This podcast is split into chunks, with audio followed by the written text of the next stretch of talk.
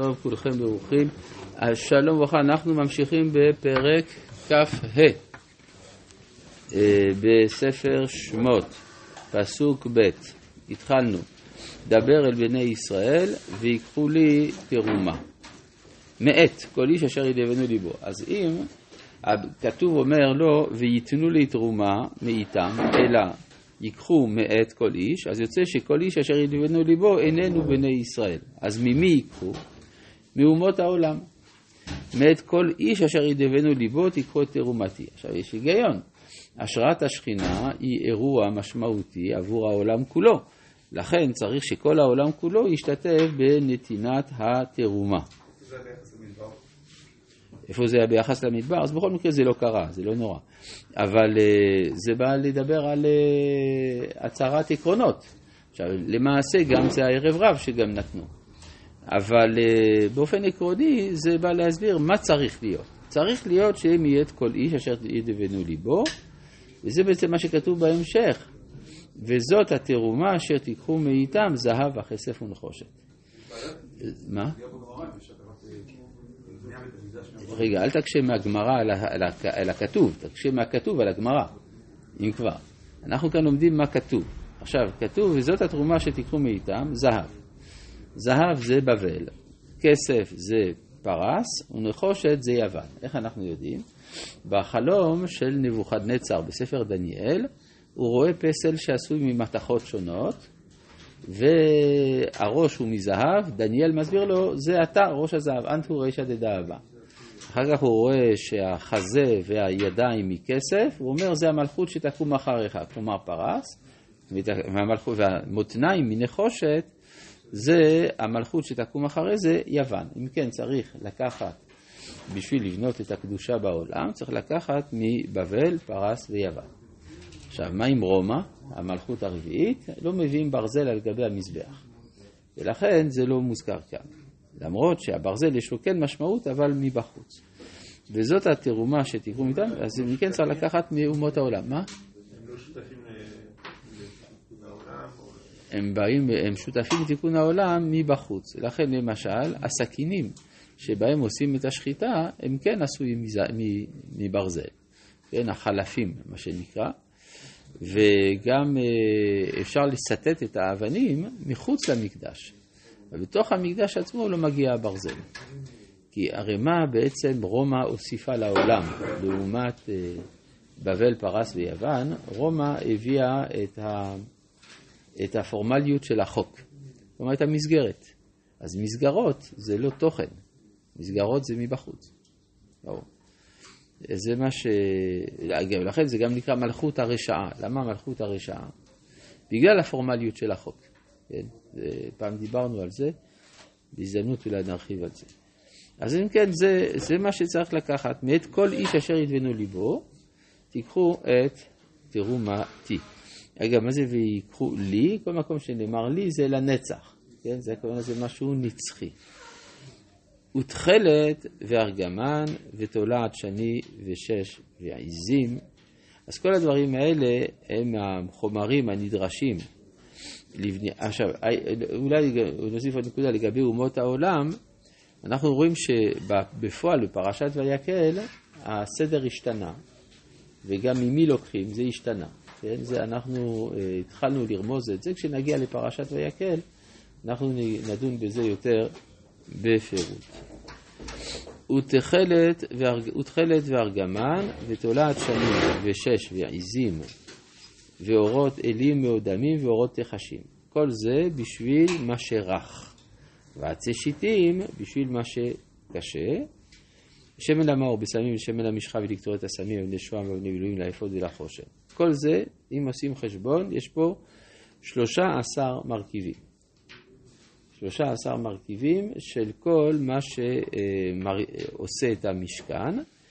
שלוש עשרה זה המספר של האחדות, כן, הרי שלושה עשר בגימטריה אחד, אבל לא רק בגלל הגימטריה, אלא בגלל שבשלוש עשרה מוקפים כל צידדי ההנהגה האלוהית, שלוש עשרה מידות שהתורה נדרשת, שלוש עשרה מידות של רחמים. אפשר גם להוסיף אפילו שלושה עשר עיקרים של הרמב"ם.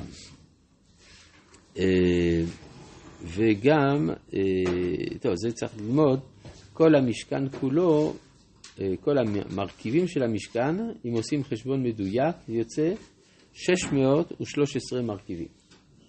יש תרי"ג מרכיבים למקדש, למשכן, וכיוון שהכל כלול ב-13 מידות, אז ברור שהמרכיבים של ה-613 חלקים של המשכן יהיו מורכבים מ-13 אה, אה, חומרי יסוד.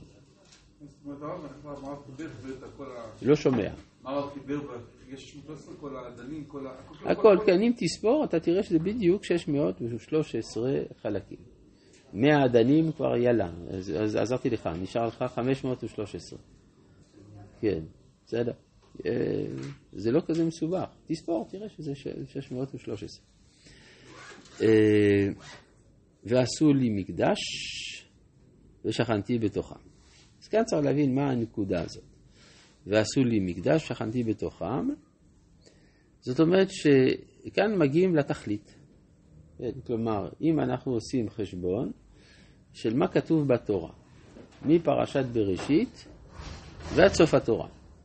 מה כתוב שם?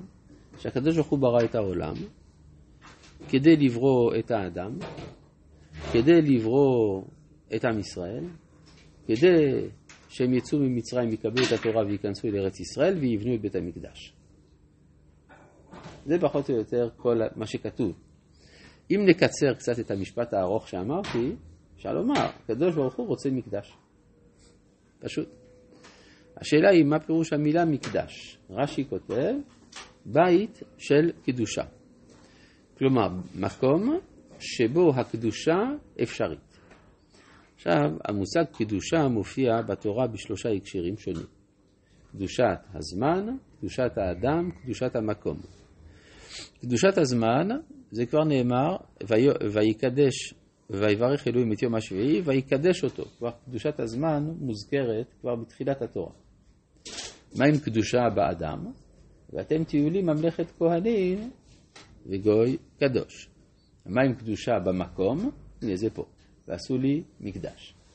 עכשיו, זה, כמו, זה שלושת הממדים של עולמנו, כן? הזמן, האדם והמקום. נשאלת השאלה, האם קדושת המקום היא לכתחילה ובדיעבד? אברהם יהושע השל בספרו על אה, בוני הזמן, The Builders of the Time, אומר שהדבר, שהקדושה חלק דווקא במופשט, כלומר בזמן או בנפש.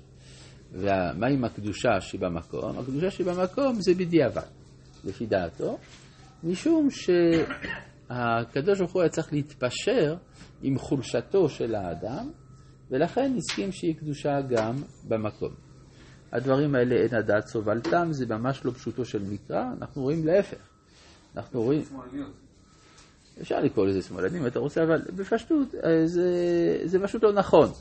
איך כתוב, תביאמו ותתאמו בהר נחלתך, מכון שבטך פעלת השם, מקדש אדוני כוננו ידיך. זאת אומרת, הרעיון של מקדש הוא קדום לחטא, או קדום לחולשה של האדם, ואדרבה, אפשר לומר שהאתגר המונותאיסטי זה גילוי השם בכל הממדים, ודווקא במקום בממד שהוא לכאורה יותר רחוק מן הקדושה, בגלל שהוא לא רוחני אלא גשמי, דווקא שם מתגלה העניין האלוהי, וזה המשמעות של ועשו לי מקדש. אבל מהי הקדושה? זה לא הסברנו. מהי הקדושה? שעליה מדובר בית של קדושה, מקום שבו הקדושה אפשרית. הקדושה זה המפגש הבלתי אמצעי בין הבורא לנברא. הכיצד? הרי כתוב בפרשת קדושים, ששם מבואר עניין הקדושה, קדושים תהיו כי קדוש אני. קצת מוזר הדבר הזה. אז מה אם אתה קדוש, אז בגלל זה אנחנו צריכים להיות קדושים? כלומר, מה, מה זה קדושים תהיו כי קדוש אני? כביכול הקדוש ברוך הוא אומר לאדם, אני הקדוש היחיד, ולכן אנחנו לא יכולים להיפגש. אם תהיו קדושים, נוכל להיפגש. כלומר, המגמה פה היא מגמה שהיא אלוהית. כלומר, ריבונו של עולם מרוויח כביכול מזה שיש מקדש. ועשו לי, לטובתי, כלומר, זה, זה לא בשבילכם, זה בשבילי, אני זקוף לזה.